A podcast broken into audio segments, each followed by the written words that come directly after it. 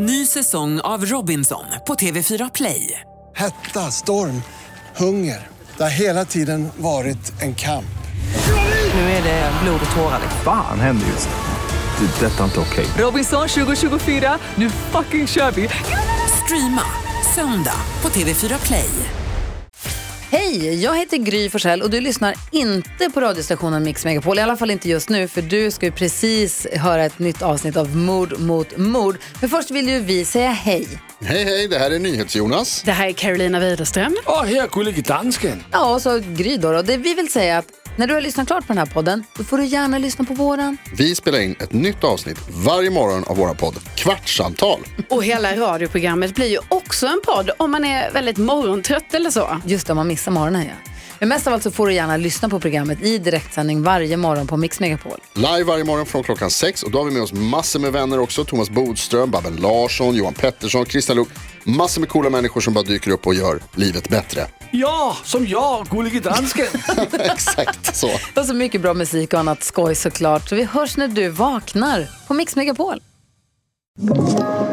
Podplay.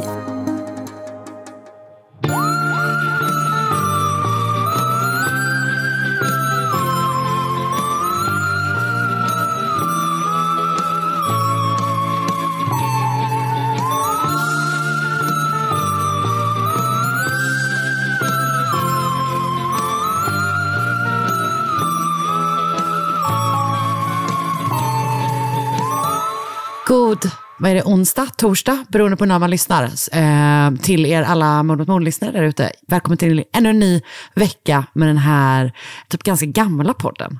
Alltså jag menar, tänk hur många Du avsnitt. menar- Alltså jag menar, nej jag menar inte att vi har spelat in den för länge sedan, utan jag menar att vi har gjort svin många avsnitt. För det tänkte jag på idag. Jag vet, det är faktiskt skrämmande. Det är typ ganska skrämmande. Alltså, jag, när jag skrev in liksom siffran på mitt manus, vilket avsnitt det var, så blev, fick jag lite så uh, svindel. Jag har typ. inte så bra koll på det, för jag, jag skriver ju fel. men- Jag har ju ett eget räknesätt. Jo men du skriver ju fel och det är också jag som skriver avsnittssiffran till Pelle som klipper och lägger upp avsnitten. Så jag vet ju. Och då kan jag berätta Du har bättre koll. Då kan berätta att det är alltså, nu säger jag säkert fel, men det är typ 233. Det är sjukt. Det är så... Jag trodde typ att det var fler. Nej. Tråkigt. Men det är svinmånga. Det är verkligen, verkligen det, Det är jag vill säga. väldigt många. Hur många år? Det är jättemånga. Är det fyra, fem? Fyra, fem? Det, vi är ju på um, fjärde eller femte. Jag tror att det blir fem år i januari. Aj. Oj, jävlar. Ja, det är sjukt. Det är riktigt Jag, sjukt. jag tror det. Jag tror det. ja, ja, men, Så har vi, gjort, vi säger att vi har gjort eh, typ 45 varje år. Kan det stämma? ja, det tror jag. Absolut. Minst. Men Då är det ju typ sex år. Vi får kolla upp det här. Eller, det behöver vi absolut inte göra. vi kan verkligen bara låta Mm. Det det, rulla lätt gjort. på. Om man säger, ja det är verkligen lätt gjort. Ehm, ja men, uh, ännu en vecka. Men Det är inte känns- typ det vanligaste skämtet man får när man träffar typ så här pappor. Att de är typ så här, Får ni aldrig slut på mord? aldrig slut? Exakt. Man bara, nej. Så måste man... Alltså det är verkligen, jag vet inte hur många gånger jag har hört det, så, bara, så är man så här, nej, man skulle Nej, kanske du vet, hoppas människan det. är ju som den är. Alltså, Eh, the world's eh, worst predator.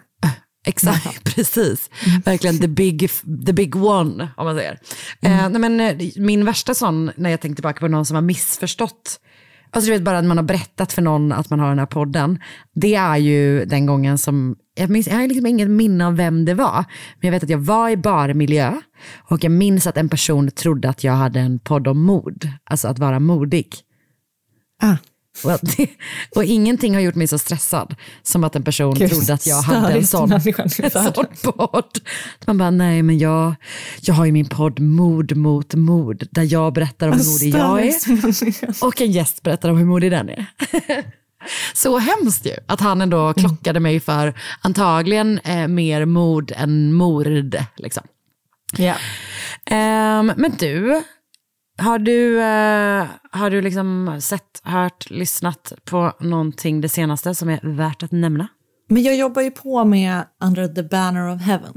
Jag trodde Ja, ja, ja, att den bara det. var typ så två, tre avsnitt. Eh, Den, den har ganska många fler avsnitt och alla är ganska långa. Men, men den är faktiskt fortsatt väldigt Ja, bra. bra. Så det är positivt. Så det är en bra känsla. Det är inte en eh, sån fan och så vill man inte avsluta för man känner som att man har committat. Nej, absolut inte. Den är bra. Den är... Um, so those uh, fundamental, fundamentalist uh, people. Verkligen. Eh, nej men den är uh, sjukt obehaglig alltså. Ja. Men väldigt bra. Bra- Är det en bra sån här höstserie typ? Ja, om man vill deppa ihop.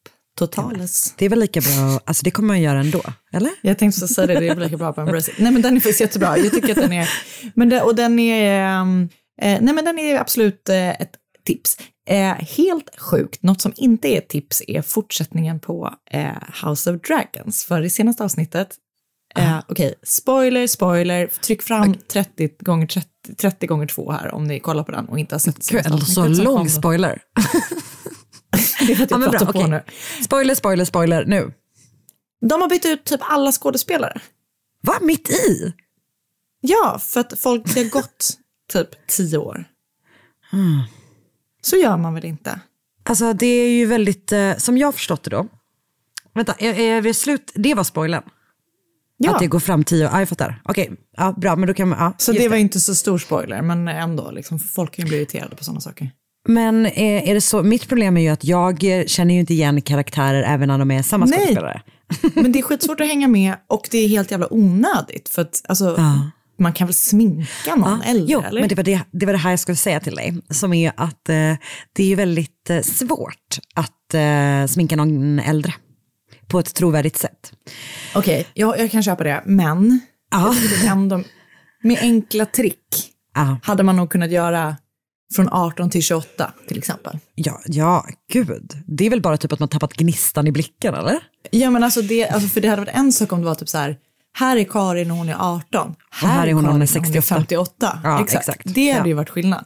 Nej, Ja, det här är är det liksom så här, här är Karin 18. Här är Karin 26 när hon har fått tre barn. Och är en helt annan människa. Det låter Det som att man behöver åldras ganska mycket på den tiden. Ja men alltså, jag blev så jävla irriterad. Och så kände jag också att eh, i vårt hushåll här hemma så vill jag ändå vara försvarare av att det inte var så störigt att titta på. För att Okej. jag vet inte varför jag känner så starkt. Ja, vänta, så. Tur att Oskar inte lyssnar på vår podd Oskar tyckte att det var riktigt, eh, riktigt störigt, men för att han tyckte det så ställde du dig lite grann på motsatt sida. Absolut. det är så vi lever vårt liv. Vet du vad, jag tror att HBO är jätteglada för att du stod upp för deras beslut. Jag tror det också. Eller vem det nu är som har gjort serien. Mm, Eh, ja, kul, ja, men, nej, men jag, för det känns som att det är många karaktärer i den serien redan från början. Ja, ja. Och, nu, alltså, du vet, och, och det var inte heller att de var typ så här, la på en liten platta, här kommer Nej. Utan Som i realityserier. Ja, det var att man själv fick lista ut, vem är nu det här? Det är det dummaste jag har hört. Alltså, det är så jävla dumt, jag blir faktiskt jättearg när jag tänker på det. Ja, det är ju, Men man vill ju titta färdigt, men man vill ändå inte det. För att vissa, vissa hade de också kunnat byta ut. Det är väl skillnad på 30 och 40 också, eller? Ah, Okej, så vissa Är är, typ man kvar, men andra är... 34, då är man så gammal så det spelar ingen roll. Liksom, Okej, vänta, Det är jag tror att vi hittat ett djupare spår i kränkningen. Okej, det låter faktiskt värdelöst. Ja, Ja. Jag, håller, jag tänker inte kolla. Det, Det är jag det göra som jag innan. lägger min energi Heller. på just nu. Det tycker jag är... Det, jag tycker typ att det låter som ett så sunt utlopp. Tack. Alltså jättebra. Bra. Eh, så inte tips som serie betraktat, men som, men som tips på, du vet som, ett, How vissa saker måste man bara kolla på för att bli arg. story totalt, alltså faktiskt. Okej, ja, ja men eh, det är ändå kul på något sätt att, att höra om det, vad ni håller på med där borta hos, hemma hos er. eh, vi har ju sett eh, då ett avsnitt av eh, Netflix eh, damer-serie. Ja, alltså gud vad man läser mycket om den eh, på olika sätt. Ja, men vi har då som sagt bara sett första avsnittet och det är ju, eh, alltså, det är ju damer. Det är ju eh, bland det obehagligaste som finns. Liksom. Men jag tror att jag har bestämt mig för att inte titta på den. För att jag blev så äcklad när jag Ah. tittade på trailern. Jag mådde alltså psykiskt dåligt bara av att se trailern. Jag förstår det. Nej, för att grejen är att eh, vi var ändå så här, typ att vi dagarna, för det var jättespännande liksom, men det är ju typ 55 minuter terror. Liksom. Och jag vet inte om, det kändes som att det bollade upp för att gå tillbaka till hans barndom nu i slutet av första avsnittet. Första avsnittet är liksom i, eh, i tiden eh, före brotten. Liksom. Och man följer då en, eh, en person som liksom fastnar i hans klor, eller vad man ska säga. Och det är ju, eh, jag mådde ju verkligen piss typ. Så dagen efter var vi så här, ska vi se till? Och jag bara, nej, nej, jag kan typ inte det. Alltså man måste verkligen vara rustad tror jag. Så att vi får se, jag tror att vi kommer se vidare, men jag tror att vi kommer vara tvungna att pytsa ut om du förstår. Ja, absolut. Nej, men för man läser ju mycket om hur, eh, liksom med damer, precis som med Ted Bundy och allt sånt där, hur de, folk tycker då att eh, de, man liksom glorifierar honom lite för att han är snygg och typ sånt där. Damer? Ja, du, har- eh, du, och att, att Ah, eh, det har varit så här. eller? Ja, exakt. Och, och Men kanske han är- damen ah. själv. Det var någon meme jag såg där folk hade lagt liksom, dem bredvid varandra och sådär. Men ja, vad sjukt. Att eller för liksom, jag tycker typ vet, att förminskar hans alltså, fruktansvärda brottet för typ att Mm. så här, men för jag, alltså den här liksom eh, snygghetsgrejen, typ som, som bandy och typ, ju konstigt nog även typ lite så, Charles Manson, den lilla räken, har, har jag typ nästan, alltså den har jag aldrig ens reflekterat över med damer för att han är så, eh, han är ju så uppenbart eh, bara straight up psykiskt. Eller han känns ju så fruktansvärt, eh, alltså det är inte som att Ted Bundy inte var deppig. Eller förstår du vad jag menar? Men han Nej, är ju jag liksom... menar. Jag tror Allt är så äckligt. Nej, så alltså, det finns liksom också- inget att glorifiera typ. Nej, jag vet. Men så läste jag också eh, ett inlägg från en eh, anhörig till ett offer Ah. som var så upprörd på produktionen. Och då blev jag också upprörd å Japp. hennes vägnar. Och var det liksom, för som sagt jag har bara sett ett, det här enda avsnittet så jag kan verkligen inte uttala mig om hur serien porträtterar honom överhuvudtaget. Liksom. Eh, Nej, men det var typ att den här kvinnan då som eh, hade skrivit det här inlägget, hade liksom, de har liksom med henne, henne i serien. Hennes karaktär. Och uttalat, du vet, de har inte frågat henne. Och du vet, det var liksom lite sådär. Så att, eh, men jag förstår att väldigt många tittar på den och att den är, verkar liksom vara väldigt bra. Om du förstår ja, jag jo, men det är väl en. Men- men, jättebra eh, produktion typ. Det känns som att den är, figurerar på, i många olika kanaler at the moment. Jag såg också, följer du eh, Saint Hoax på Instagram? Nej, nej. Okej, jag ska skicka ett jättekul klipp till dig. Vi kanske kan lägga det i... eh, Vi kanske kan lägga det på Facebook. Men det är alltså ett klipp från um, The Tyra Banks show. Ah, ah, alltid kul. Alltid, alltid kul. Vil- Ja, vad, alltså, gör hon? hon- vad gör hon den token? Nej, men då är det en, har hon eh, en kvinna som sitter i soffan där hos henne och så, så frågar hon typ så här, "V- vem av de här männen liksom, tycker du är typ snygg? Ah. Och då säger den här kvinnan i soffan typ bara så här, eh, ja men jag tror jag väljer nummer ett typ. Och då säger typ Tyra så här, That's the preppy killer. Och typ Nej. så här, går på. Bara, då har hon, du vet, så här, hon, han, eh, Ah. Ja, the preppy killer, eh, Ted Bundy och någon tredje mördare på skärmen. Så liksom alla tre ser bra ut. Och så går hon så på den här tjejen jättemycket. Och, och så säger hon typ så här, men det känns typ som att jag skulle kunna se i någons ögon om de var onda. Och det är ju så helt sjukt också, så här, det vet man ju inte. Men alltså, och den här tjejen då, liksom, hon står på sig jättemycket och hon blir alltså bara, du vet, Tyra och hela publiken bara så här, går på henne jättemycket. Men eh, det är bara uppfriskande för att det är från The Tyra Show och eh, hon är helt, hon är fan helt galen. You get Vaseline and you get Vaseline and you get Vaseline. Så Hon är helt galen som programledare. Okej, helt jag skickar galen. klippet till dig så kan vi se om vi tycker det var kul. Så kan ni andra få se det också. Exakt, det kan vi absolut göra. Men du, eh, ska vi rulla igång på riktigt nu eller? Ja, vi kör. Yes, det gör vi. Ny säsong av Robinson på TV4 Play. Hetta, storm, hunger. Det har hela tiden varit en kamp. Nu är det blod och tårar. Fan händer just det. Det är detta inte okej. Robinson 2024, nu fucking kör vi! Streama söndag på TV4 Play. Ett poddtips från Podplay.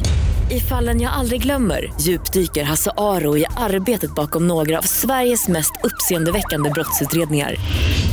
Går vi in med hemlig telefonavlyssning och, och då upplever vi att vi får en total förändring av hans beteende. Vad är det som händer nu? Vem är det som läcker? Och så säger han att jag är kriminell, jag har varit kriminell i hela mitt liv men att mörda ett barn, där går min gräns. Nya säsongen av Fallen jag aldrig glömmer på Podplay.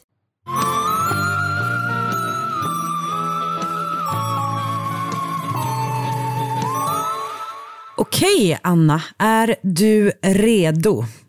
Jajamän. Idag ska vi eh, få vårt lystmäte av dåligt uttalade franska ortsnamn och även säkert människonamn tillfredsställt. För vi ska till Frankrike. Så spännande. Och du vet hur Sverige jag är på språk. Eh, nu kör vi. Pierre Chevalier föddes 1909 in i en fin familj i franska Orléans. Vilket alltid fuckar med för att man läser New Orleans och sen så tänker man på det amerikanska och så. Men Orléans. Eh, han bestämde sig tidigt för att han skulle bli läkare. Som 26-åring så jobbar han på sjukhuset i Orléans som en, liksom en del av hans medicinstudier på något sätt. Och där träffar han den då antingen 23 eller 24-åriga Yvonne Rousseau. Yvonne, eh, som var sjuksköterska, hade en annan bakgrund än eh, Pierre. Hon kom från en hårt arbetande och enkel lantbrukarfamilj strax utanför Orléans. Och eh, de var också väldigt liksom, olika personlighetsmässigt. Pierre var väldigt, väldigt självsäker och hade, hade väldigt, liksom, lätt för sig socialt. Medan Yvonne var mer timid, mer tillbakadragen.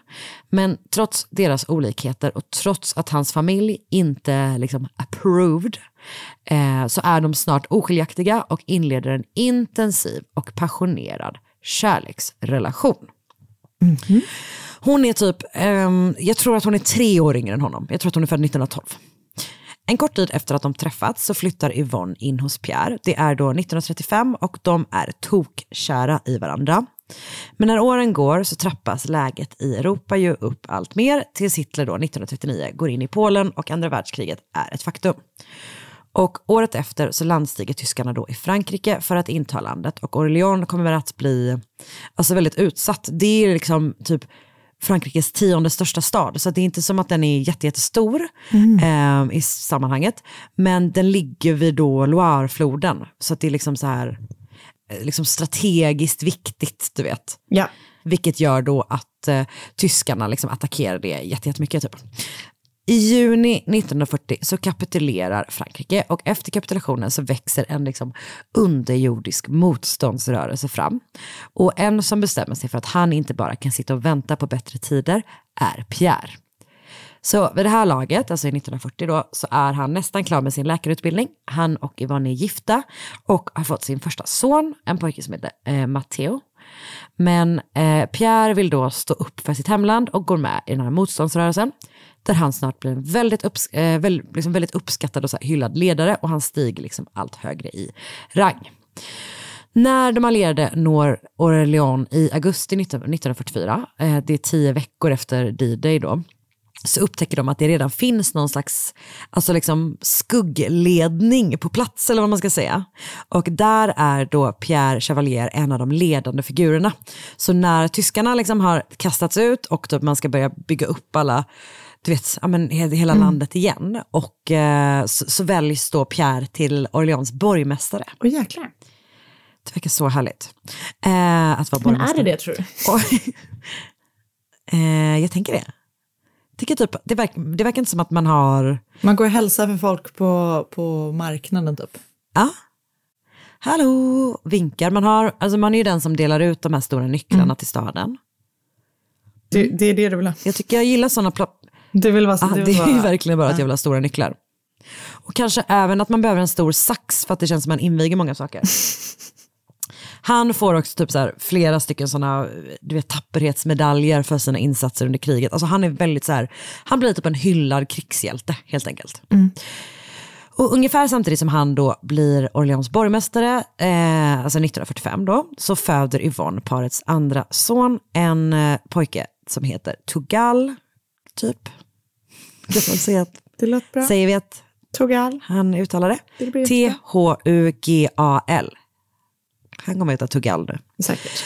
Men trots att kriget, liksom, det har ju liksom varit med dem som en skugga genom hela deras relation och nu är det så äntligen över och typ livet kan på något sätt börja återgå till eh, det normala.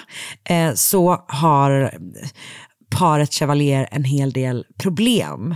För att Yvonne är då alltjämt så superkär i Pierre, men han inställ, hans inställning till henne verkar svalna allt mer. Och det blir då inte bättre när han väljs in i liksom riksdagen och tillbringar allt mer tid i sin hyreslägenhet i Paris och kastas in i arbetet med att återuppbygga Frankrike. Ja. Det är ju ett jobb, det förstår man ju.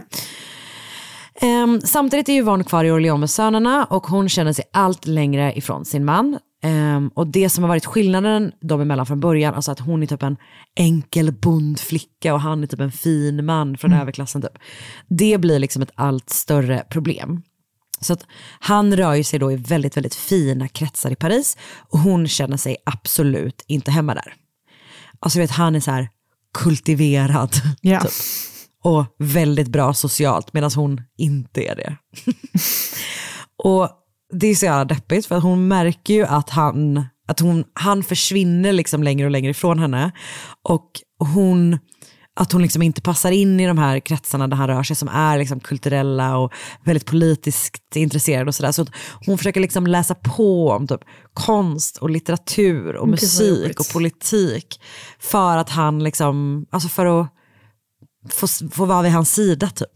Det är så hemskt. Och hon typ så här köper nya mer modriktiga kläder. Alltså hon fixar håret, går på typ olika skönhetsbehandlingar för att alltså hon vill liksom återuppfinna sig själv som en person då som är typ honom eh, värdig, eller vad man ska säga.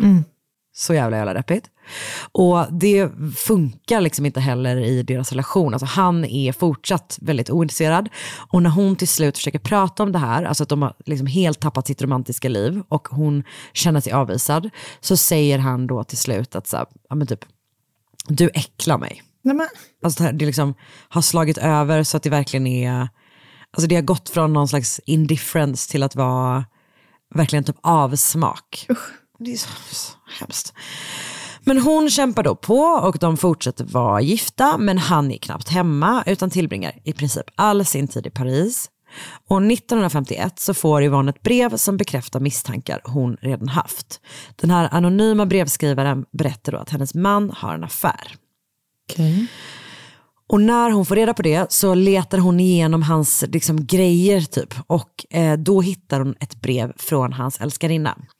Och i det här brevet så står det, kära Pierre, utan dig finns varken skönhet i eller mening med livet. Och det är då undertecknat en person som heter Jeanette. Och Yvonne förstår direkt vem det här är. Ehm, det är en kvinna som heter Jeanette Perrault och det är alltså deras, eh, det är en vän till, eh, till eh, familjen. Jaså? För Jeanette är då gift med en förmögen man som heter Leon Perrault och de har tillsammans tre barn som brukar leka med Pierre och Yvonnes söner och därför har de så umgåtts, alltså båda familjerna och typ ätit middag tillsammans och så. Och Jeanette beskrivs eh, senare i media då som Yvonnes motsats. Alltså om Yvonne var typ enkel, timid och tillbakadragen och det är inte de enda, alltså hon beskrivs med eh, mer negativa ord också. Eh, Så, eh, så är Jeanette typ så här supersnygg, rödhårig, lite så nästan femme fatallig person om du förstår. Men hon är också då eh, kultiverad och påläst och liksom kulturell sådär. Hon är också väldigt utåtriktad och härlig social. Alltså, hon är ganska lik Pierre helt enkelt. Och Leon, som är då hennes man, är å andra sidan mer lik eh, Yvonne. Så att de har liksom någon slags motsatta situationer kan man säga. Perfekt. Vad deppigt. Ja, Jag vet, det är så hemskt. Och nu verkar det alltså som att Jeanette och Pierre har inlett en relation. Och snart får Yvonne det bekräftat från utomstående källor att affären har varit typ en öppen hemlighet i både Paris och i Orléans under en längre tid. Och det är också så jävla hemskt. Alltså man måste känna sig så fruktansvärt liksom Så lurad. bortgjort. Ja, exakt. Att alla typ har gått runt och vet att man måste känna sig så dum. Och det är så jävla hemskt verkligen. Och den här affären verkar ha pågått alltså en längre tid. Det, alltså, jag tror att det, om det är ett, ett och ett halvt år, något sånt typ. Och hon bestämmer sig då för att åka till Paris för att konfrontera sin man. Och, så hon lämnar sina, sina söner med deras barnflicka och tar tåget till Paris. Men när hon kommer till den här liksom riksdagsbyggnaden, men där han jobbar helt enkelt, så, eh, och försöker liksom gå till hans kontor så blir hon stoppad. För där har då en vakt fått strikta instruktioner från Pierre om att hans fru inte är välkommen där. Men gud.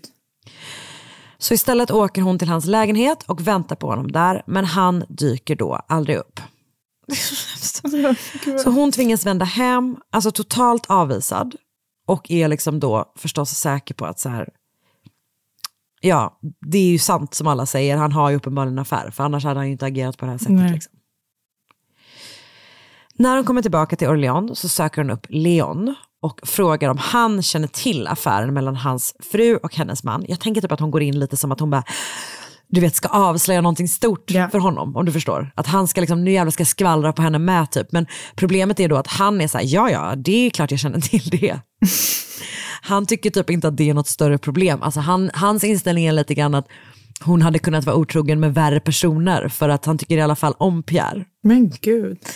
Vilket verkligen är en stark inställning.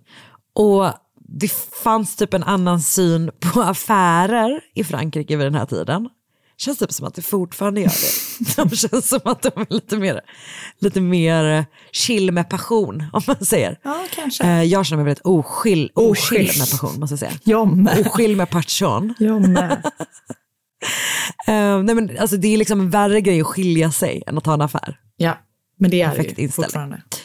Det, verkligen, jag håller med. Eh, till slut i alla fall så återvänder Pierre till Orléans för att möta sin fru och då säger han en grej som gör mig alltså, rasande verkligen. Vadå? Alltså, hans, han säger att hans affär är just det. Alltså, det är hans affär. Alltså, det är hans egen business. Hon har ingenting med det att göra. Såklart.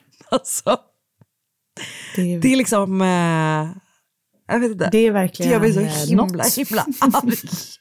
Det är så jävla sjukt.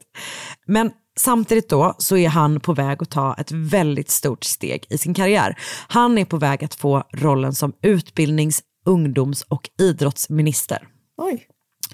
Och han är då rädd för hur en skilsmässa ska påverka hans kometkarriär. Så han tänker alltså fortsätta sin affär och de ska fortsätta att vara gifta. En toppenlösning. Yvonne blir allt mer desperat och vid ett tillfälle så typ sväljer hon ett gäng liksom, tabletter av något slag och hamnar på sjukhus verkar det som, men att hennes omgivning tolkar det snarare som ett, liksom, ett rop på hjälp än eh, någonting annat. Men uppenbarligen mår hon ju fruktansvärt dåligt. Liksom.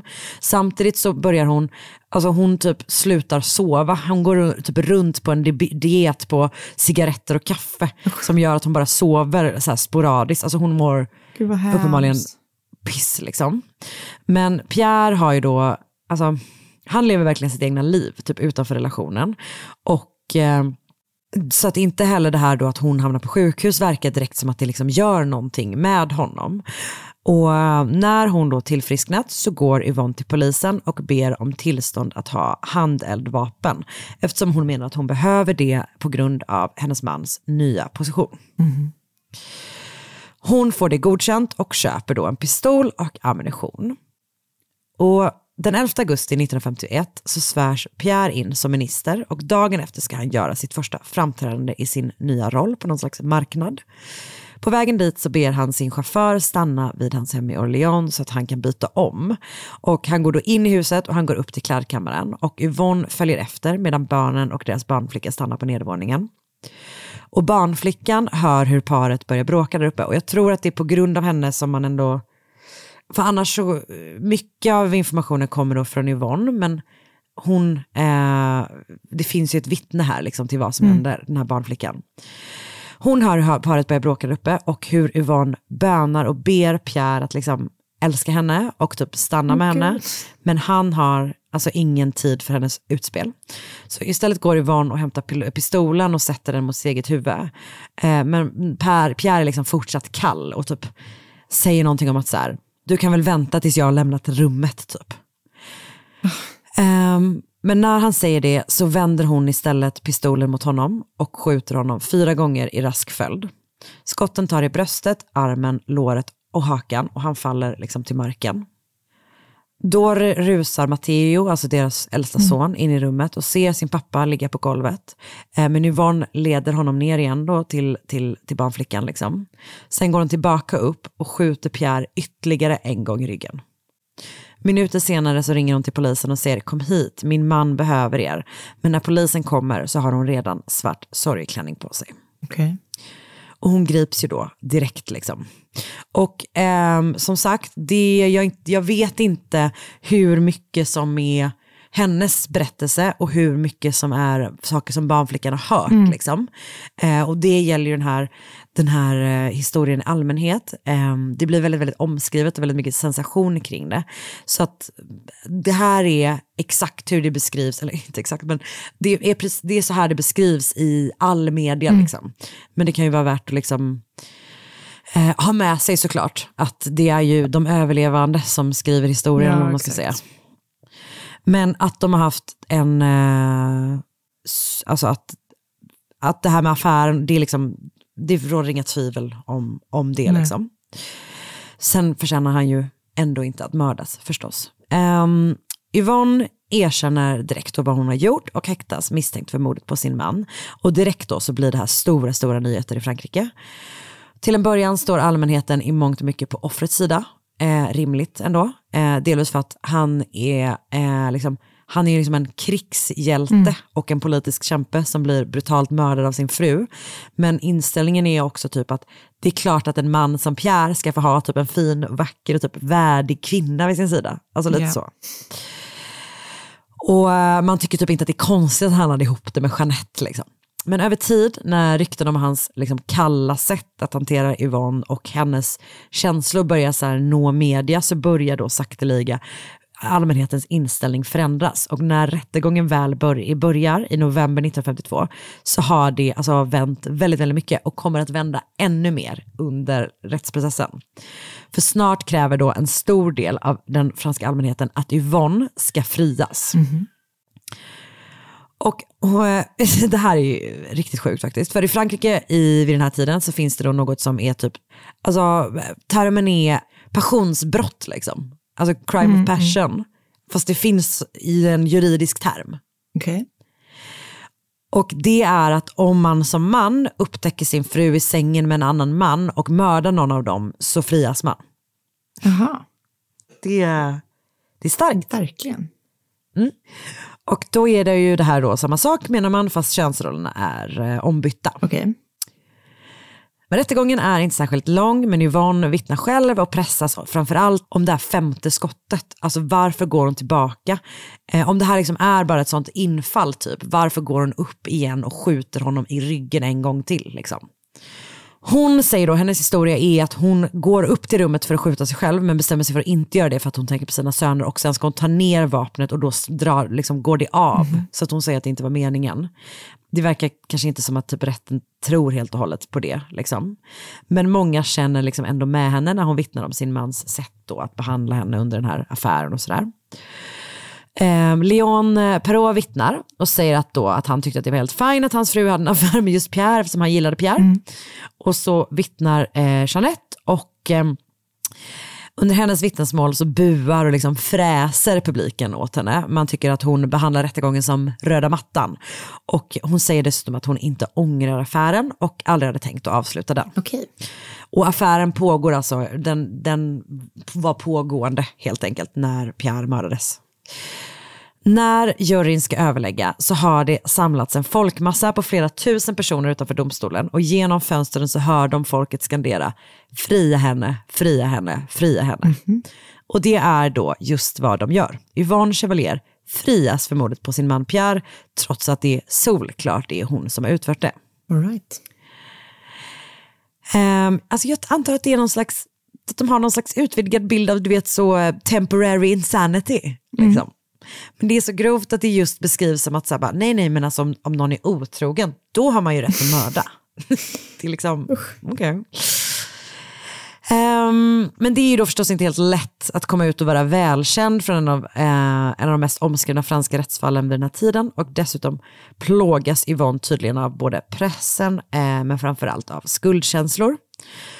Så Yvonne kommer ett par år senare att lämna Frankrike tillsammans med sina söner och de bosätter sig i vad som då är franska Guinea, men som blir självständiga Guinea ett par år senare.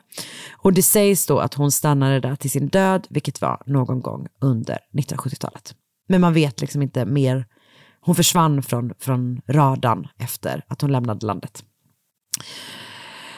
Det var mordet på Pierre Chevalier, Frankrikes utbildningsminister. Sjukt. Han hann sitta en hel dag.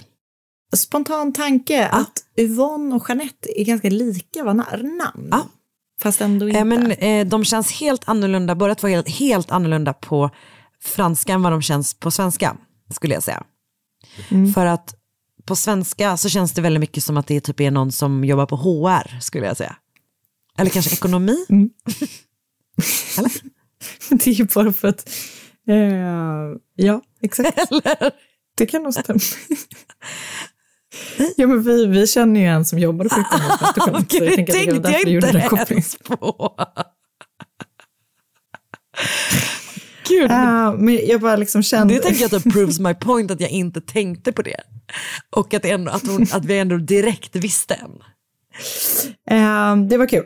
Eh, eller det var inte kul, men det var kul att eh, det där Ja. hände. Men ehm, Okej. Jag har då lyssnat på avsnitt 34 av podden Shoes, Booze and Tattoos, som bland annat avhandlar det här fallet. Jag läst ett par artiklar samlade på Murderpedia. Jag har läst en Times-artikel från 1952 med rubriken France, colon, not guilty. Så stark rubrik.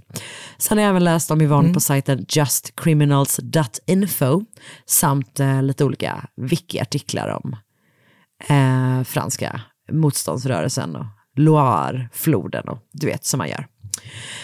Det var det. Det var det. men du, tack, för Tack ska det. du ha. Ny säsong av Robinson på TV4 Play. Hetta, storm, hunger. Det har hela tiden varit en kamp. Nu är det blod och tårar. Fan händer just nu. Det. är Detta är inte okej. Robinson 2024, nu fucking kör vi! Streama söndag på TV4 Play. Ett poddtips från Podplay. I podden Något Kaiko garanterar östgötarna Brutti och jag, Davva, dig en stor dos skratt. Där följer jag pladask för köttätandet igen. Man är lite som en jävla vampyr. Man har fått lite blodsmak och då måste man ha mer. Udda spaningar, fängslande anekdoter och en och annan arg rant. Jag måste ha mitt kaffe på morgonen för annars är jag ingen trevlig människa. Då är du ingen trevlig människa, punkt. Något Kaiko, hör du på Podplay. Därför är gardinerna.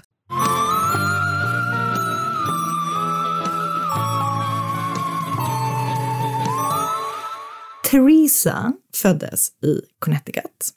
Eh, hon har haft, du vet, vad jag förstår, en helt vanlig uppväxt. Hon var duktig i skolan. Eh, du vet, hon var sån årgångstalare. Ah. Valedictorian. Årgångstalare. Efter att hon hade gått ut high school så eh, pluggade hon vidare och bestämde sig för att bli läkare. Och det blev hon. Och hon har beskrivits som gifted, brilliant doctor and this incredible Christ-like person. She'd give you the shirt off her back. She'd help strangers. She'd get up in, at two in the morning to do an evaluation on homeless people. But yet she'd put on her five-inch heels and curl her hair and she'd be swearing like a sailor and drinking. Vänta, okej. Så hon gick upp klockan två på natten. Hon satte på sina högklackade skor, Hon liksom- lockade håret och sen så gick hon och gjorde en evaluation of homeless people. Nej. det är inte så. Men hon verkar liksom vara, du vet, en väldigt så här, ah, hon är super, super schysst, smart, eh, du vet, god människa samtidigt som hon verkar vara Rivig. Hon är snygg, hon typ, Ja. exakt. Och när hon var drygt 30 år så träffade hon en man som heter Mark Severs och eh, han var sjukskötare och han bodde i Missouri och eh, de två träffades eh, när eh, han var och hälsade på i Florida. Och eh, Theresa och Mark blir så superkära i varandra och alla runt omkring dem tycker att de liksom är en så här, the perfect match verkligen. Och de gifter sig så småningom. Och de bosätter sig i Bonita Springs i Florida och tillsammans får de då två döttrar och när Theresa är 46 år gammal så driver hon tillsammans med Mark deras egna läkarmottagning. Och det är en sån här holistisk eh, läkarmottagning, du vet, som ser till alla aspekter av livet. Typ. Så att eh, det är inte bara så att de typ ger medicin utan de typ så ser över så här, tränar du rätt, äter du rätt, sover du ordentligt? Här är en kristall. Typ, eh, Nej, inte så, inte så holistisk. jag, jag, kanske. Alltså borderline i alla inte, Det är fall. nog lite grader Ja. av det. Ja. Ja. Eh, men du vet, typ så här, they have mental issues. Alltså de gör liksom... The works. Eh, eller det kanske man säger en vanlig läkare också. Men du vet, de gör... ehm, Kul då. Kul om man går till, går till doktorn, när jag gick till doktorn med en öroninflammation, de bara, and uh, do you have mental issues? Ja, men för det är så holistiska läkare är, typ att de är så här, det här kanske är typ ett, du vet, något annat Det kanske är att. Satan sitter i ditt öra. Mm, det kändes så. Inte riktigt så. Det, det finns nog ingen, det Ingen finns nog ingen religion jag. Jag försöker göra det till något annat än vad det är. Men jag Ehm, fattar vad du menar. Japp. Ja, de har i alla fall en sån som heter Restorative Health and Healing Center. Så det är nog lite kristaller där Ja. hos dem. Ehm, och upplägget i deras relation var typ det så att Mark gjorde allt hemma och sen mycket av det praktiska på eh, mottagningen så att Theresa kunde liksom fokusera på patienterna och du vet vara liksom full on läkare. Och eh, det verkar liksom som att det går väldigt bra för dem. Eh, det är liksom, de har mycket patienter och hon är också syns ganska mycket. Hon är dels får vara med typ i så här, ett, har ett eget reportage i ett så här lifestyle magasin. Hon är du vet ute och gör typ så här lite tv-inslag och det verkar som att hon har typ jag vet inte om det liksom är hennes mål och dröm, men det sägs att hon liksom tänker att hon skulle kunna bli som Dr. Oz, alltså du vet Oprahs läkare fast inom holistisk medi- medicin. Så att hon tänker väl typ att hon skulle här, passa bra i tv-format. Ja, typ. Så hon skulle bli Tyras Mm, Dr. Oz. japp. Så hon är liksom... Hon gör sin, hon gör sin Folk PR. gillar henne. Ja, hon är liksom out there, men hon är väldigt populär och du vet, så här, det går bra för henne helt enkelt. Och som sagt, alla säger att Mark och Theresa är the perfect match. Han är liksom stay at home, eh, eller det är han ju inte, för han hjälper ju till, men han är liksom den som, du vet, fixar allt hemma och du vet, så det, det, de har ett väldigt bra sätt. Och i juni 2015 så åkte de hem till Connecticut där Theresa kom ifrån för att fylla, fira hennes mamma som hade fyllt 75. De skulle vara där i typ fem dagar, men Theresa behövde åka hem lite tidigare för att hon hade patienter som hon liksom skulle ta hand om. Så att hon åkte hem till Bonita Springs och Mark och deras två döttrar stannade i Connecticut. Så hon åker hem och dagen efter så dyker hon inte upp på sitt jobb, vilket liksom de på jobbet tycker är helt off character. Och hon svarar inte heller när de ringer eller försöker kontakta henne, så de kontaktar Mark. Men Mark och flickorna får inte heller tag i henne när de liksom försöker ringa och sms och sådär. Och de vet ingenting om var hon kan vara, för att vad de vet så har hon kommit hem för att gå till jobbet dagen efter. Liksom.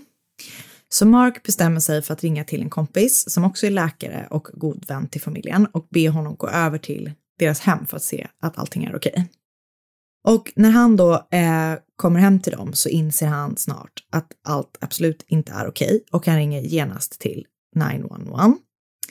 För hemma hos familjen Sivers, inne i köket, så hittar han Theresa på golvet. Och det är mycket blod runt omkring henne och eh, hon lever inte längre. Han säger till larmcentralen att hon har blivit slaget och, i, eh, och att hon är kall. Och han kan då liksom konstatera direkt till larmcentralen att hon inte lever längre. Så polisen kommer såklart dit och de tolkar liksom platsen som att, ehm, eller brottsplatsen som att Theresa precis kommit hem när hon har blivit mördad. Hennes handväska ligger precis innanför dörren och det är liksom tydligt att någon har gått igenom innehållet i den. På platsen så hittas en hammare som polisen avgör är mordvapnet och det visar sig att låset till deras eh, garage har liksom blivit fifflat med. Och ingen förstår vad som har hänt och först tänker de att det så här, kan det vara typ ett inbrott eller ett rån som har liksom gått snett? Du vet att någon har varit inne i, hu- liksom i hemma hos dem Och så har hon kommit och så hon hem. kommit hem och typ överraskat dem. Mm. Men allting är kvar, du vet. Det, det är inga värdesaker som har försvunnit ur hemmet och hon har också kvar sina smycken på sig. Så, så att det verkar typ inte så troligt att det är så. Och ingen vet då. Alltså vet bara så här, vem har ett motiv att döda den här liksom väldigt omtyckta läkaren? Och polisen har då liksom lite olika teorier och misstänkta och självklart så blir ju då Mark, hennes man, misstänkt eftersom det ju alltid är så, liksom, att den mördade personens partner blir misstänkt. Men han var ju i Connecticut då och firade Theresas mamma när Theresa mördades. Så det kan liksom inte vara han. Och eh, även Marks kompis då som hittade Theresa blev misstänkt. Men polisen kunde avskriva honom liksom ganska fort för du vet han har absolut ingen koppling till mordet. En anställd till Theresa som blivit uppsagd ganska kort innan och vars man också blivit uppsagd, som också har jobbat hos Theresa, eh, blev misstänkt. Men hon kan också avskrivas. Så då är polisen bara så här, okej, okay, vi fortsätter. Och det finns, och jag vet inte om det här liksom är lite så tidningarna som teori, teori, teoretiserar mm -hmm. kring. eh, eller om det är polisen. Men det, tydligen så har det liksom mördats två andra holistiska läkare i Florida inom liksom en relativt okay. när tid. Så de bara så här, kan det vara så? Liksom att de morden har någon koppling, du vet att någon target är ah. dem. Så här. Men de liksom följer upp det, men det leder inte till någonting. Så polisen har liksom ingenting att gå på. Den här hammaren, det finns inga bevis i lägenheten. Det finns inga ledtrådar, det finns inga misstänkta, ingenting. De tycker att eh, sättet hon blivit mördad på tyder på personlig kontakt. Alltså du vet att det finns en koppling mellan dem. Och de frågar ju såklart Mark, liksom, vem skulle kunna tänkas göra någonting sånt här? Och han har då liksom absolut mm. ingen aning om vem som skulle utsätta hans fru för någonting sånt hemskt. Han berättar liksom att de har ett bra äktenskap, även om deras grannar då vittnar om att de bråkar ofta, att de ofta hör skrik från lägenheten eller från huset. Eh, men liksom Mark var typ så här, ja, vi bråkar, men det är typ hon som är sjukt bestämd. Att hon kan typ vara så här, nu går du ut med soporna, annars skiljer jag mig från dig. Typ. Alltså, oh. kanske, men vet, hon är väldigt så här, äh, låter på honom som att hon är väldigt så här bossig och bestämd oh. typ. Och eh, han är typ så här, vi hade en jättebra relation, vi liksom var kära i varandra, vi var trogna varandra, för de får liksom också fråga om så här, kan någon av, har någon av er en utomäktenskaplig affär? Han bara nej, nej, nej, du vet så här.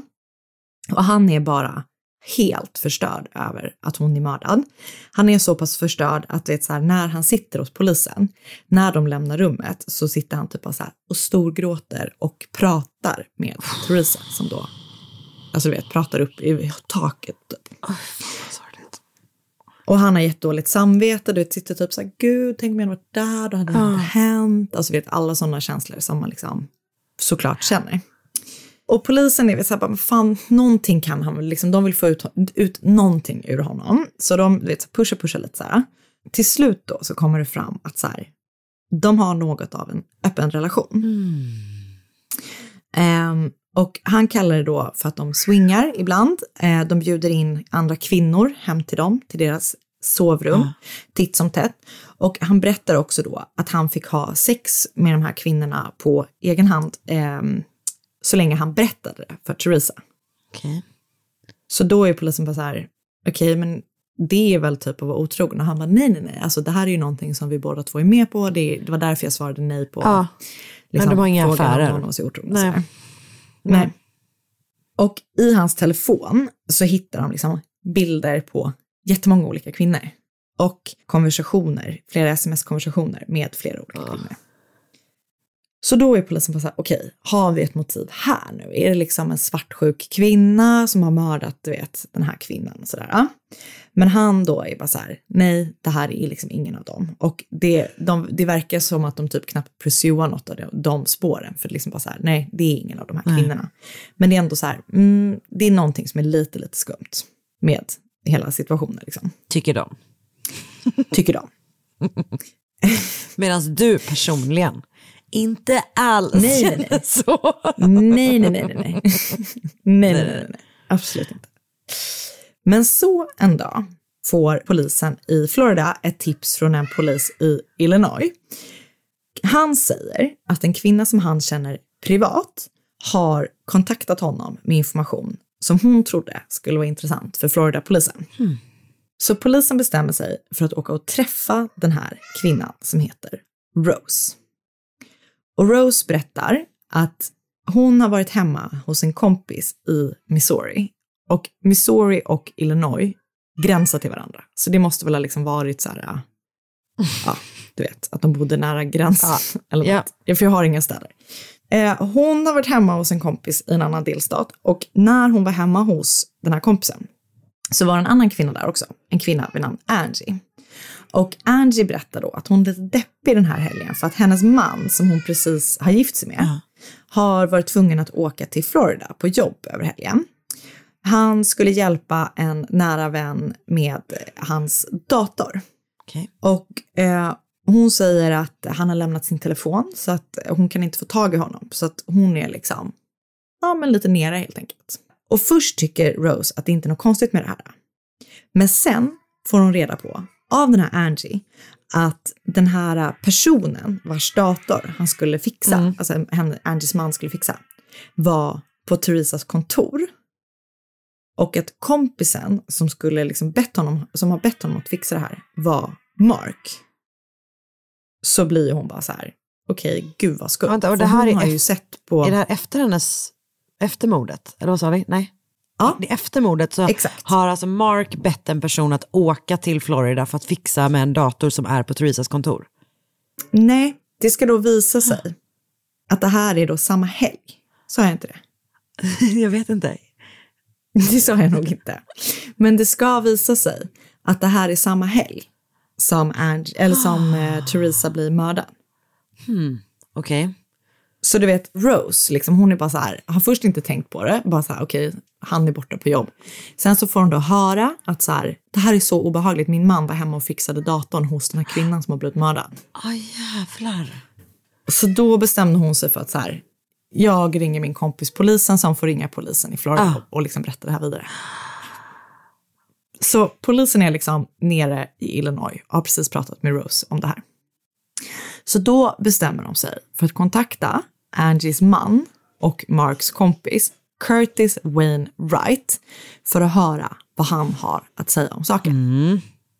Och det första polisen slås av är hur lika Wayne, som han då vill kallas eh, för, och Mark är varandra rent fysiskt. Alltså de är kopior av varandra. Det är också så då att innan liksom, de vet att Wayne har tre domar mot sig för droginnehav. Så att polisen, jag vet inte om det här är överdrivet eller inte, men polisen bestämmer sig för att skicka ett SWAT-team. Eh, för att ta in honom. Lite överdrivet. Så de skickar ett SWAT-team till Wayne och Angies husbil och då griper de Wayne. Okej. Och han är väldigt tillmötesgående när de tar in honom. Han berättar liksom att eh, han och Mark är jättegoda vänner, de har känt varandra sedan de typ gick i high school. Han berättar också att han och Angie precis har varit på Theresas begravning för att de liksom ville vara ett stöd åt hela familjen. Eh, han bekräftar att han har hjälpt Theresa och Mark med deras datorer och du vet, han bara babblar på om allt möjligt. Han pratar typ om så här, hans eh, kampsportskarriär. Eh, han berättar typ om hur framgångsrik han är i sitt jobb och du vet Ah. så här, och polisen tycker typ att han är så skum. Eh, för att han sitter typ och skryter om att han har så kommit på massa saker och du vet att han är super så här, framgångsrik. Okej. Ja, nej, det är bara jätteskumt Ja. för det här. Och, men liksom han snackar och de är typ som att de du vet, är lite kompisar. Så när de har kommit varandra lite närmare så frågar polisen Wayne om var han befann sig den helgen Theresa mördades. För hans fru har ju då sagt till Rose att han var i Florida på jobb. Japp. Men Wayne svarar då att han har varit hemma hela den helgen. Han har varit sängliggandes för att han har då fått typ, alltså han har varit med om en bilolycka för några år sedan och då har liksom han gjort sig illa, skadat kroppen på något vis. Och just den här helgen har han då legat hemma med sådana smärtor från den här kraschen. Så han har liksom bara inte gjort någonting. Förutom då att han har lämnat sängen en kortis för att hjälpa sin hyresvärd med hans bil. Så det är liksom hans story på det. Eh, och samtidigt som han sitter i förhör så går polisen igenom deras husbil för att se om de hittar liksom, någonting som de kan plocka med in som bevis. Och de hittar då, eller vet de plockar med sig så datorer, mobiltelefoner, massa papper, de hittar massa saker som bara det här plockar vi med oss tillbaka till Florida för att gå igenom. De hittar också då, eller utanför hans husbil står också en hyrbil parkerad och i den bilen så hittar polisen en GPS som de också plockar med sig. Och de frågar sig också omkring i Wens bekantskapskrets och den här hyresvärden då som han skulle hjälpt med bilen den här helgen som Theresa mördades vittnar då om att det inte alls stämmer. Du vet, han har också övervakningskameror från Ah. liksom, platsen där de skulle vara. Han syns inte på någon av dem. Han har liksom inte varit där. Eh, och en annan bekant eller kompis till ehm, Wayne säger då så här, nej men jag vet att han skulle åka till Florida för att jag, jag sa att jag kunde köpa en flygbiljett till honom. Eh, så att Wayne slapp köra liksom den här 12 timmars långa resan. Men han tackade nej, han sa att han hellre ville köra. Eh, så nu är de bara så här, vad fan, det är någonting skumt med Wayne liksom. Och de har ju då också kollat igenom Waynes telefon och ett namn som dyker upp ofta i hans telefon är Jimmy Rogers. Så polisen åker hem till den här 25 år gamla Jimmy Rogers i hans husvagn och när de talar med Jimmy och frågar honom om hans relation till Wayne så säger han att eh, de känner varandra men de har liksom inte alls tät kontakt med varandra. Vilket ju polisen vet Japp. är en lögn. Japp. Ja. Så polisen liksom tillbringar typ nästan två veckor i Illinois och Missouri för att, du vet, försöka ta reda på vad som har hänt med Theresa innan de då åker tillbaka hem till Florida. Och de är typ ganska övertygade om att det är någonting skumt med Wayne och eh, Jimmy, att de har någonting med liksom, eh, Theresas mord att göra, men de har då inga bevis att gå på just nu. Men de har ju med sig massa bevis hemifrån Wayne, typ datorn och allt det där. Och när de då går igenom beviset så eh, hittar de någonting. För de hittade ju en GPS i den här hyrbilen utanför Waynes hus. Och först så hittar de ingenting och tillverkaren säger typ så här, det är helt omöjligt att se vad den här har gjort för den har typ blivit fabriksåterställd. Liksom. Men polisens tekniker jobbar på och till slut så hittar de någonting som blir väldigt viktigt för utredningen. För de hittar då hela rutten som Wayne har kört från Missouri till Bonita Springs. Samma helg som Theresa mördades. Så de kan liksom se att han har kört hela den sträckan upp. De hittar också att Wayne har skrivit en recension på hjälp av en kinesisk restaurang på vägen mellan Missouri och Bonita Springs. Var, vet du om den var bra eller Han är dålig? tydligen jätte... Den var dålig, han var tydligen besviken. Gud, då brinner man, Väldigt verkligen för, brinner man verkligen för in och ranta. Kul, vilken, fan vad dumt. Eh, väldigt dumt, eh, men också väldigt kul. Ehm, och det visar sig att GPSen är parad med en mailadress. Och mailadressen är jimmyrayRogers90 at gmail.com. Som var ju han. Han är den andra snubben. Mm. Perfekt. Ja. Så då är polisen så här, "Ha, de här två dårarna har varit ute och kört den här lilla roadtrippen den här helgen som Theresa mördades. Så de då börjar samla bevis, ännu mer bevis. De söker igenom över, övervakningsmaterial längs hela rutten som de har åkt. Alltså du vet alla biltullar, allting så här. Och det är ju liksom inte kort, det är 12 timmars Alla eh, kinesrestauranger. har han varit här? Går med en sån svartvit bild. Ehm, de hittar ganska mycket liksom. De är på lite olika ställen, Wayne och Jimmy. Ah. Bland annat så är de på en Walmart eh, samma morgon som Theresa mördades i närheten av Bonita Springs. Där köper de ett låsstyrkningskit, handdukar, sopsäckar och typ lite souvenirer. Alltså de köper typ så här en Budweiser t-shirt och du vet lite sånt nice to have-saker. Vad är det typ här som för idioter? Mm. Okej, ja. Det är väldigt dumt. Så Jimmy och Wayne grips. Och bara lite så här fun fact om Wayne är att båda gångerna han grips i det här fallet så har han ingen tröja på sig. Det är så kul, jag ser framför mig att han sitter så här och dricker öl Ja. och så bara rusar SWAT-team in Och då vet, så vi har han ingen tröja på då sig. vet vi ändå att han har köpt Budweiser-tröjor. Exakt. Så de plockas in och Wayne nekar liksom att han har gjort, varit på den här rutten, att han har varit på Walmart, alla sådana saker. Även när polisen visar övervakningsfilmen där man ser det. Perfekt. Ja, och även Jimmy nekar då att han har någonting med saken att göra. Men till slut så får Jimmys flickvän Taylor liksom nog. Hon vill prata med polisen. För hon berättar att efter att polisen har varit hemma hos dem första gången så har hon liksom varit så här, varför kommer de hit? Så hon blir liksom lite misstänksam och har då börjat ställa frågor till Jimmy. Och då har han liksom bara erkänt, du vet att hon är typ så här, varför var de här? Hade det någonting med det här mordet att göra? Jag vet typ så här, du är nog, är du sjuk? Du vet, han bara erkänner rakt av. Okej. Så han berättar då för henne att han har mördat, eller att de har mördat Theresa med en hammare. Och det sjukaste som hon berättar i eh, förhöret är också att Jimmy har kallats för The Hammer. Hon berättar också då att Jimmy har bett henne slänga en eh, overall som han hade haft på sig i Florida när de var ute och körde bil. Ehm, så hon har då gjort det, vilket de sjukt nog hittar när polisen är ute och letar efter den här. Den ligger liksom kvar när hon var typ så här, nej men det var här jag släppte den. Så åker de dit och bara, ja här är den, plockar upp den som bevismaterial. Så nu har de ju då Jimmy och Wayne väldigt tydligt kopplade till Theresas mord. Men polisen är så här, vi är inte hemma riktigt än. Vi misstänker att någon annan har med saken att göra också, nämligen Mark. Och eh, de har ju liksom inga bevis mer än bara känslan. Eh, och eh, han säger liksom att han inte har någonting med saken att göra såklart. Men så går det några månader eh, och Wayne kontaktar polisen. Han vill göra en deal. Han vill prata. Han vill berätta vad som har hänt. Så han berättar då att han och Jimmy har åkt hem till familjen Severs för att mörda Theresa. Först säger han att Jimmy är den som har hållit i mordvapnet och att han har stått utanför huset när mordet begicks. Men det tror inte polisen på.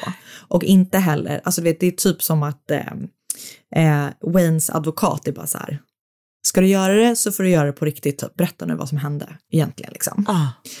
Så då bara, ja, de börjar om och Wayne berättar då att de båda två har haft en hammare med sig. Eller är de har hittat, jag vet inte om de har haft med sig båda, de hittar i alla fall en i huset. Och eh, att de då tillsammans har mördat Theresa. Det verkar liksom verkligen vara som att de har verkligen gjort det tillsammans. Liksom. Stackars henne. Nej men så jäkla hemskt. Och anledningen till att de då har gjort det är för att de har blivit erbjudna runt 100 000 dollar från Mark för att mörda Theresa. Okej, vad fan är hans grej då? Nej men, så åtta månader efter att Theresa mördats så grips Mark Severs för mordet på hans fru. Polisen är ju liksom helt säkra på sin sak, men Marks familj tror att han inte är inblandad. Och motivet då tycks vara hennes livförsäkring på 4 miljoner dollar. Sen inleds då tre separata rättegångar. Jimmy yrkar på att han är oskyldig. Han riskerar dödsstraff i rättegången men döms till slut till livstid i fängelse för mordet på Theresa Severs. Wayne Curtis dömdes då till 25 år i fängelse tack vare sin plea deal som han gjorde med polisen och åklagarna. Och Mark då hävdade hela tiden att han inte hade någonting att göra med sin frus död. Men polisen och åklagarsidan menar då att motivet för mordet som sagt är hennes livförsäkring på 4 miljoner dollar.